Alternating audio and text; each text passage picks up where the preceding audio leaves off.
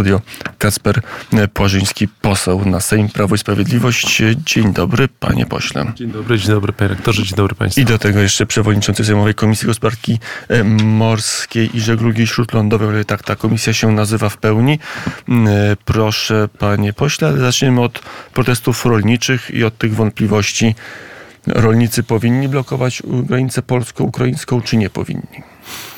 E, mają prawo do wyrażenia swojego buntu. E, oczywiście w ograniczonym zakresie, w takim, w jakim e, ta pomoc dla Ukrainy w sensie militarnym, w sensie humanitarnym jest przepuszczana przez, przez ich protesty, a z tego co wiem, to jest przepuszczana. Ja jestem zdecydowanym zwolennikiem nałożenia opłat celnych na wszystkie rolne produkty, które trafiają z Ukrainy na terytorium Polski, na polskie rynki, bo po prostu polski, polski rolnik nie ma żadnych szans, biorąc pod uwagę to, jak y, gospodarstwa rolne na Ukrainie są y, zbudowane, po prostu nie ma możliwości konkurowania z nimi. Te ceny są nawet dwa razy mniejsze y, produktów rolnych, które przyjeżdżają z Ukrainy. E, więc tak, rozumiem ich, e, rozumiem, że jako część struktury e, europejskiego rynku mają prawo domagać się tego, żeby ten rynek ich chronił, a nie wyrzucał poza nawias i prowadził do bankructwa. A z drugiej strony blokowanie granicy no, takie poważne słowa płyną z Kijowa o, o braku wsparcia. Też pan prezydent powiedział, że liczy na szybkie zakończenie protestów. Nigdy nie było takiej sytuacji, żeby Polska zamknęła się na produkty rolne z Ukrainy. Owszem, ze względu na kryzys na naszym rynku i drastyczny spadek cen produktów rolnych, w tym zboża, Polska zamknęła wewnętrzny rynek na ukraińskie zboże, ale nie zablokowała możliwości tranzytu. Tak mówi prezydent wczoraj dla ukraińskich mediów, ale też wzywa rząd do dialogu. Jak sobie rząd radzi z tym dialogiem i z tym rozładowaniem niepokojów i protestów rolników? No, zderzakiem jest dla Tuska Kołodziejczak, który no, to też jest jakaś wyjątkowa sytuacja i dość niedorzeczna, że jako wiceminister rolnictwa jeździ na granicę przedstawiając siebie jako obrońca polskich rolników, ale jako poseł, jako interweniujący tam poseł, a nie jako minister, który ma zapewnić jakieś systemowe zmiany, czy przedstawić jakąś e, jakiś scenariusz, który rząd polski chce realizować. Czyli co, podszywa się pod opozycji. Wysyłany jest E, Kołodziejczak, który tak, zachowuje się jakby był e, posłem niezgadzającym się z kierunkami e, podejścia rządu do tej sprawy, a, z drugiej strony Donald Tusk chowa zupełnie głowę w piasek, ale ja już rozumiem, że kilka dni temu wrócił z Dolomitów, już się naszusował na nartach i może wrócić do ciężkiej pracy. Tego od niego polski rolnik też oczekuje i też oczekuje tego, ja oczekuję od ekipy Donalda Tuska tego, chociaż już chyba niestety po ptakach, że nie będzie wycofywał z Trybunału Sprawiedliwości Unii Europejskiej pozwów, które Polska złożyła wobec na przykład Zielonego Ładu, e, wskazując, że jest to e, przekroczenie kompetencji Unii Europejskiej, tak, szerok, tak szeroka ingerencja w to, w jaki sposób gospodarstwa rolne powinny w Europie, w Polsce e, funkcjonować, na jakich zasadach. E, a niestety tak się stało. My zaskarżaliśmy Zielony Ład do sądownictwa unijnego. Przyszła ekipa Tuska i te pozwy chyba tydzień czy dwa tygodnie, dwa tygodnie temu cofnęła. Chociaż e, miały być analizy, ale rzeczywiście pani minister Anna Moskwa wysłała szereg e, wniosków do TSUE, wskazując, że kolejne elementy Zielonego Ładu są niezgodne zdaniem polskiego rządu, poprzedniego rządu z traktatami po krótkich analizach, to akurat było dość szybko to przeanalizowane, pani minister Henik-Kloskę wycofała e, te skargi. Też o czym to świadczy, no bo głównym aspektem, e, głównym problemem dla rolników jest właśnie Europejski znaczy, Zielony Ład. To świadczy paradoksalnie znowu słuchacze już pewnie są znudzeni tą naszą e, narracją w Prawie i Sprawiedliwości, ale ona jest prawdziwa, ona jest poparta na konkretnych argumentach. Kiedy mówimy o zależności rządu Donalda Tuska od Niemiec, to ta sytuacja e, produktów rolnych z Ukrainy też to w dużej mierze potwierdza, bo znacznym udziałowcem, właścicielem gospodarstw rolnych na Ukrainie jest również biznes niemiecki.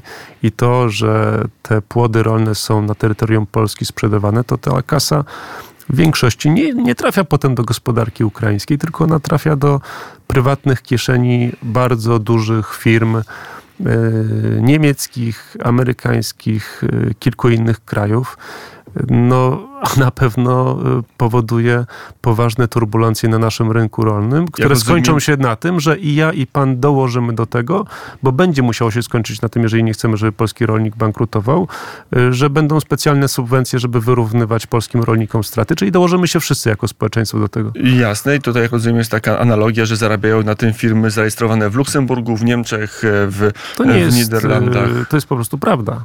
E, no dobrze, ale to skoro tak jest, to dlaczego wyście przespali przez cały rok 22 ten problem? Rolnicy alarmowali, informowali.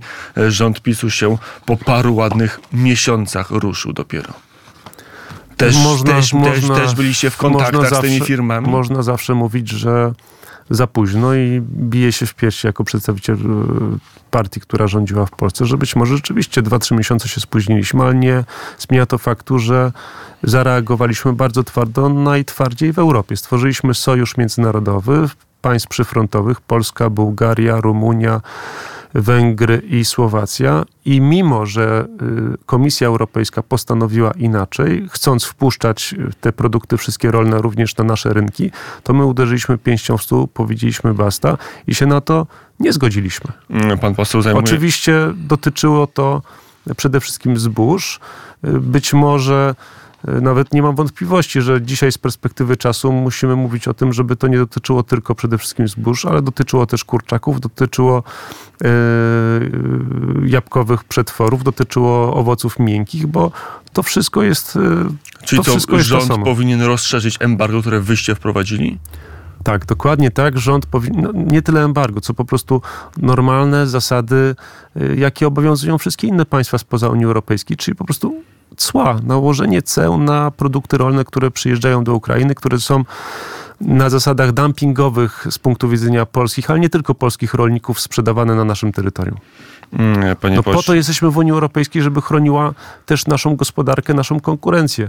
Jeżeli Unia Europejska uważa, że w jakiś sposób inny trzeba, nie wiem, rolnika ukraińskiego, tak, na, tak naprawdę w dużej mierze właśnie te międzynarodowe korporacje wspierać, no to nie kosztem polskich rolników, tylko niech sobie stworzy fundusz, chociaż nie byłbym zwolennikiem takiego rozwiązania, ale już to byłoby lepsze niż po prostu psucie rynku europejskiego, gdzie Polska jest jednym, jednym z krajów, który w dużej stopniu rolniczym krajem jest. Mm, rzeczywiście to w, w, w aspekcie kilku no jesteśmy przy Ukrainie leżymy, w związku z czym naturalnie nas to jeszcze bardziej uderza z tego względu. Panie pośle, o 10 rozpocznie się Sejm, Sejm, który ma mm, rozpocząć rozliczanie e, polityków Prawa i Sprawiedliwości za mm, zaległości w kwestii wypłaty zaliczek za KPO. Wczoraj o tym mówił na konferencji prasowej, co mnie coś zdziwiło. Marszałek Hołownia, że będzie taki punkt, czyli rozpatrzenie wniosku o, do prokuratury o zaniechanie urzędnicze przez premiera i ministra do spraw europejskich w sprawie KPO. Nie wiem, ciężko mi to nawet jakoś komentować. Ale zdziwiło pana no, ta wczorajsza wypowiedź Szymona Hołowni, który prezentował plan. Nagle się pojawił taki punkt, że też o tym będziecie na zbliżającym się dzisiaj i jutro posiedzeniu debatować. Nie, jak e, nowa ekipa rządząca chce e, pozywać, chce, chce co chwilę składać jakieś zawiadomienia do prokuratury, to bardzo proszę. E, niech to prokuratura, sądy ocenią, aczkolwiek moje zdanie jest oczywiste. No, nie było tu żadnego złamania procedur, zaniechania urzędniczego. Po prostu nie mogliśmy dogadać się z Unią Europejską, z Komisją Europejską co do tego, w jaki sposób wypełnić kamienie milowe. My uważaliśmy, że je wypełniliśmy. Unia Europejska, Komisja Europejska uważała, że ich nie wypełniliśmy, dlatego cały czas szukała pretekstu, żeby tych środków nam nie wypłacać. Zresztą, jeżeli chodzi o aktualną ekipę rządową, to też te środki dalej wypłacone nie są. Zostało wypłacone tylko kilka miliardów e, euro z tytułu zaliczki. Zaliczki, która została podpisana do wypłacenia jeszcze przez rząd Prawa i Sprawiedliwości w, w listopadzie. E, wy się nie możecie dogadać, a Donald Tusk się dogaduje. Wczoraj w Brukseli był minister Adam Bodnar i jak donoszą media po tym spotkaniu, komisja jest bardzo zadowolona z jego planu przywracania praworządności. Wczoraj rząd przyjął pierwszą z pakietu ustaw o Krajowej Radzie Sądownictwa. Pan jest także adwokatem, prawnikiem. Jak pan patrzy na to przywracanie praworządności? No, dyskusji o tym było już bez liku. A sam projekt, może, może który bardzo, bardzo przywraca to, władzę sędziów to, przy kreowaniu innych sędziów. Może bardzo to uproszczę, bo nie ma co tu wchodzić pogłębioną analizę, nie ma na to czasu, ale no, nie można ustawą odwoływać sędziów i proces legislacyjny w Polsce składa się z tego, że przygotowuje ustawę Sejm bądź Senat w pewnych przypadkach, przechodzi przez jedną izbę, przez drugą izbę, a na końcu musi to podpisać prezydent Rzeczypospolitej Polskiej. Jeżeli nie ma tego podpisu, to prawo to nie obowiązuje, bo nigdy prawem się nie stało, tylko było projektem prawa. Niestety ministrowie i Donald Tusk Y, uważają, że mogą tworzyć prawo powszechnie w Polsce obowiązujące bez podpisu prezydenta, czym narażają się w przyszłości na Trybunał Stanu. Ja uważam, że przynajmniej pan Sienkiewicz i przynajmniej pan Bodnar za to bezczelne łamanie prawa i udawanie, że niektóre ustawy w Polsce nie obowiązują, przed takim trybunałem powinny stanąć, bo inaczej następne rządy, jakiekolwiek by one nie były, zawsze będzie przed nimi pokusa, że skoro tamta ekipa mogła tak bezczelnie prawo łamać, to następna też y, będzie mogła i trzeba w końcu ponownie wyznaczyć granicy, co politykom wolno, a czego nie wolno. Mm, e, panie pośle, Szymon Hołownia wczoraj zapowiadając, co się wydarzy na Sejmie, powiedział, że jest już zgoda, że koalicja się porozumiała, dogadała się, takie słowa użył pan Hołownia na ten pakiet ustawowy, że będą i uchwały, i ustawy. Jedna i druga izba Polskiego Sejmu, Polskiego Parlamentu będą w to zaangażowane i będzie jedna uchwała o Trybunale Konstytucyjnym. Nie, nie znamy jej treści oczywiście, ale już Poczekamy, wiemy, zobaczymy. jaki jest pomysł. Tak, że będzie jakaś uchwała, no i potem ma nastąpić pójście dalej, czyli sanacja, jak to mówi koalicja rządząca, centralizowa sanacja Trybunału. Co mam powiedzieć? No to są naprawdę no to kwestie pytanie, elementarne prawnie. No, uchwała, co wy z tym zrobicie? No będzie uchwała... Nie jest, uchwała nie jest prawem w Polsce. Uchwała jest stanowiskiem. A jeśli na podstawie uchwały będą ci odwoływać sędziów Trybunału, to co wówczas?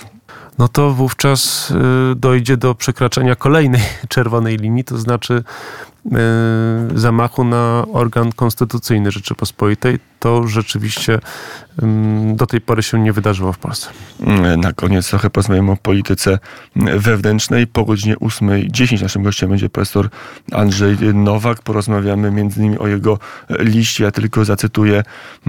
Natomiast tak kończąc może ten wątek odpowiedzialności, Prawny. wydaje mi się, że Platforma i Tusk doskonale sobie zdają sprawę z tego, co zrobili i postawiłbym dolary przeciwko orzechom, że i Bodnar, i Sienkiewicz będą niedługo e, emigrować do Brukseli do Europarlamentu. Tak, żeby uciec od tej odpowiedzialności.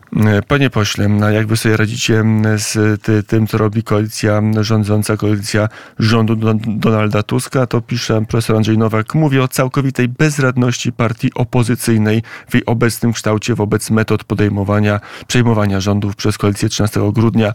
Mówię o widocznym również braku przygotowania przez PiS na wypadek, gdyby tą e, władzę e, straciła. Jaka jest kondycja Prawa i Sprawiedliwości? Bo profesor Andrzej Nowak opisuje ją w czarnych barwach, że jesteście de facto bezbronni e, wobec sposobu działania Donalda Tuska. Nie, nie jesteśmy bezbronni. Też pokazuje ta wielka dyskusja wokół CPK, ale nie tylko wokół e, budowy terminala kontenerowego w Szczecin-Świnoujście, elektrowni jądrowej na Pomorzu. Wokół tych wszystkich spraw udało się jednak wywołać ministrów Donalda Tuska do tablicy, pokazać, że polskiemu narodowi po prostu jest to dla niego bardzo ważne, że społeczeństwo obywatelskie też tutaj mocno działa. I na takich tematach, poza oczywiście krytyką tego, co robi w kontekście i praworządności, i wielu innych kwestii, uległości wobec pewnych rozwiązań unijnych, my też musimy się skupiać na takich sprawach, które po prostu społeczeństwo strony... dużo bardziej rozumie i musimy w to walić i jednocześnie bronić polskich interesów. No to jest... A z drugiej strony wczoraj Szymon Hołownia mógł mm, z satysfakcją mówić o próbie siłowego wejścia do Sejmu i mówić, że są nagrania, że posłowie PiSu szarpali Straż Marszałkowską, że on się nie, się nie angażuje, że to Straż Marszałkowska podejmie decyzję, czy do prokuratury o napaść, o znieważenie funkcjonariusza wysyłać wnioski. No, więc tu CPK, a tu szarpa inny przed Sejmem. No i jaka to jest polityka, panie pośle? Nie odpowiadam za politykę komunikacyjną Prawa i Sprawiedliwości. Nie jestem też posłem warszawskim, nie, nie jestem we władzach partii. No, wystarczy powiedzieć, że Ja raczej skupiam się na tych wątkach pomorskich. Jutro też mamy posiedzenie komisji, która dotyczyć będzie między innymi Komisji Gospodarki Morskiej programu Miecznik i kondycji polskich stoczni programu Miecznik, dlatego że te trzy fregaty, które Trochę pan Prawo i Sprawiedliwość buduje, ucieka od mojego pytania. O są niezwykle ważne dla Pomorza, dla polskiego bezpieczeństwa i dla naszej infrastruktury krytycznej na Morzu Bałtyckim i nie tylko. W związku z czym będziemy pytać, y, jakie są plany wobec tego programu i będziemy prosić też o taki bardzo zwarty harmonogram szczegółowy, aby móc później pilnować polskiego rządu, aby tę inwestycję rzeczywiście zrealizował. I takie są moje cele i myślę, że tego Polacy ode mnie oczekują. Wyprzedzając pytanie, które padnie po godzinie 8.10 do profesora Andrzeja Nowaka, nie wiem, czy pan list pana profesora czytał, list, której główną tezą... Czytałem, czytałem tak. pana. Zresztą niezwykle cenię pana profesora Nowaka. No i co? Ta teza, że Jarosław Kaczyński to już jest polityk, który powinien oddać stery.